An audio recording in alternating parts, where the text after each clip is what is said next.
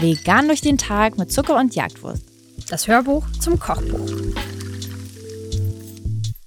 Wir wollen nicht übertreiben, aber das ist das beste vegane Schnitzel der Welt. Würde ich mal sagen. Das könnt ihr auch in der Intro lesen. Ähm, ich habe jetzt hier nur abgelesen. Ähm, aber das ist es ähm, wirklich. Ich liebe diese Schnitzel und ich finde, es ist gar nicht so einfach, ein gutes veganes Schnitzel zu machen.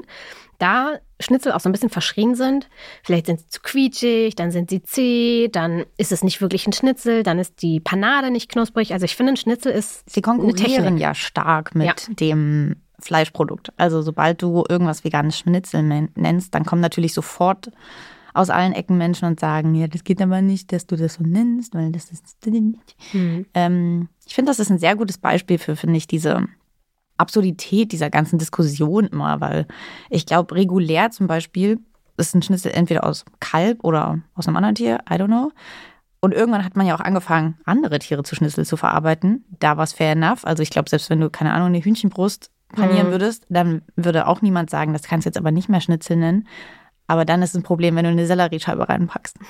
Also dieses Grundproblem von, wie darf man was nennen, finde ich, ist wirklich daran gut zu erkennen, weil es geht ja einfach oft darum zu erklären und so ein bisschen ein Gefühl dafür zu geben, wie etwas zubereitet wurde. Ein Schnitzel ist ja kein Lebensmittel an sich, es ist ja ein Produkt. Und ob jetzt in diesem Produkt dann ein Tier steckt oder ob Sellerie steckt oder wie in unserem Fall Seitan, das sozusagen ist ja nicht das, was dann das Wort Schnitzel ausmacht. Aber im Endeffekt keine Ahnung, ich finde es noch immer ein bisschen albern. Ich würde jetzt auch nicht unbedingt darauf beharren, dass ich es unbedingt Schnitzel nennen muss, aber dass ich es nicht Schnitzel nennen dürfte, ist auf jeden Fall auch sehr, sehr dämlich.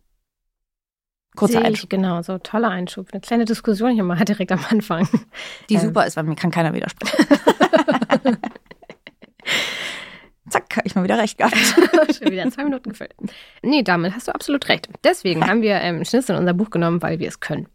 Und uns niemand widerspricht.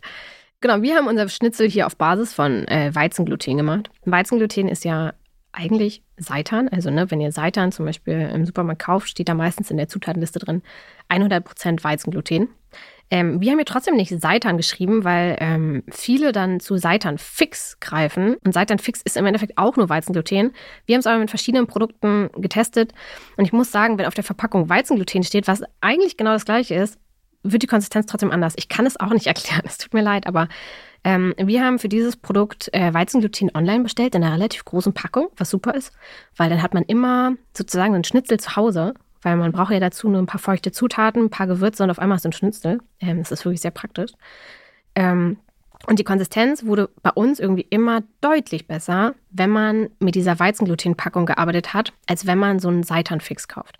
Eigentlich ist es wirklich exakt das Gleiche. Ich weiß nicht, was da der Unterschied ist. Ähm, Weizengluten ist ja im Endeffekt, ne, wird ja aus einem Mehl gemacht, also indem man ähm, Mehl wäscht. Ihr könnt euch dazu auch mal YouTube-Videos angucken, das ist übelst interessant zu ihr sehen. Ihr könntet das nämlich auch selber machen. Also ja. wenn ihr keinen Weizengluten findet, könntet ihr selber auch Weizenmehl auswaschen. Ja, Viel Spaß damit. Ja, guckt euch mal YouTube-Videos an. Ich finde das übelst krass. Also da wird ja sozusagen die Stärke wird ja ausgewaschen ähm, und das Gluten bleibt dann zurück bei diesem Mehl. Und demnach sich, äh, unterscheiden sich ja auch die Produkte. Also es wird halt immer ein anderes Mehl verwendet. Und natürlich, wenn du einen Weizengluten herstellst aus einem, keine Ahnung, Roggenvollkornmehl, wird das Weizengluten natürlich anders, als wenn heißt du das dann noch herstellst. Weizengluten? Heißt das dann Roggengluten? Das heißt Roggenvollkorngluten. wahrscheinlich. Also ne, man nimmt die unterschiedlichen Mehlsorten und jeder Hersteller macht es wahrscheinlich irgendwie anders. Also es gibt auf jeden Fall Unterschiede zwischen den Produkten. Ähm, aber greift einfach zu einem relativ basic Weizengluten. Dann sollte das passen. Aber ja, dieses Schnitzel wird ganz, ganz toll ähm, weich. Überhaupt nicht quietschig, auch nicht zäh. Wenn ihr da mit Gabel und Messer reingeht, fällt das super schnell auseinander. Es ist ganz zart. Ich weiß gar nicht, ob man das in dem Zusammenhang so sagen kann, aber es ist wirklich ein ganz zartes Fleisch, veganes Fleisch dann am Ende. Ähm, und unser Lieblingsschnitzel. Und ähm, wenn ich euch noch was empfehlen kann, dann spart auch mit dem Öl beim Anbraten am Ende nicht. Denn wenn ihr genug Öl nehmt, nimmt und es so ein bisschen sozusagen frittiert statt brät, dann wird das auch ganz toll knusprig am Ende. Und dann habt ihr wie so ein kleines Wiener Schnitzel. Und das ist wirklich ein absoluter Traum. Ich würde außerdem nicht sparen am Senf. Keine mhm. Überraschung, ich liebe ja Senf, aber ich finde, Senf ist ganz oft der, der kleine Secret-Kniff, um Dinge etwas deftiger, fleischiger schmecken zu lassen. Das ähm, denkt man nicht, aber oft ist Senf so ein bisschen auch bei, wir haben ein Rezept für vegane Rouladen auf dem, äh, mhm. auf dem Blog, das ihr findet. Auch da wird ähm, die Grundbasis einmal mit Senf eingeschmiert, bevor das Ganze paniert, äh, also hier paniert, äh, bei den Rouladen natürlich nicht wird. Und ich finde wirklich, das macht ähm, immer einen Unterschied. Ich würde auf jeden Fall immer da reichlich Senf mit einarbeiten. Ansonsten habe ich eigentlich nur noch eine kleine Anmerkung zum Seitan. Ähm, passt da nur ein bisschen auf, dass ihr Seitan nicht überknetet. Das kann man nämlich tatsächlich machen und danach wird es tatsächlich zäh, wahrscheinlich egal, was ihr für ein Produkt habt. Hier steht ja circa fünf Minuten mit den Händen kneten, das ist alles safe, aber ähm, ich würde es jetzt nicht in die Küchenmaschine packen und zehn Minuten auf höchster Stufe durchkneten lassen. Dann werdet ihr nachher merken, durch dieses Gluten, dass das einfach gar nicht mehr fähig dazu ist, irgendwie in eine Form gebracht zu werden. Also da würde ich ein bisschen aufpassen. Ansonsten, willst du noch was zum Kartoffel-Gurkensalat sagen? Äh, kann ich sehr gerne machen. Also in meiner Familie ist ja diese Art Kartoffelsalat ähm, die einzige wahre Art, wie man Kartoffelsalat essen kann. Im Buch haben wir ja auch einen, einen Kartoffelsalat auf Basis von Mayo. Ähm, auch der würde dazu sehr gut funktionieren. Ähm, ich wollte es aber so ein bisschen klassischer machen, so ein bisschen in die ähm, süddeutsche Richtung. Ähm, und habe den jetzt hier so zubereitet, wie es meine Oma macht. Also die ähm, kocht die Kartoffeln ab, lässt die so ein bisschen ausdampfen, schält die und serviert die noch so lauwarm. Ähm, und zwar mit einer Basis von Gemüsebrühe, ein bisschen Senf, ein bisschen Altmeisteressig, auch wichtig.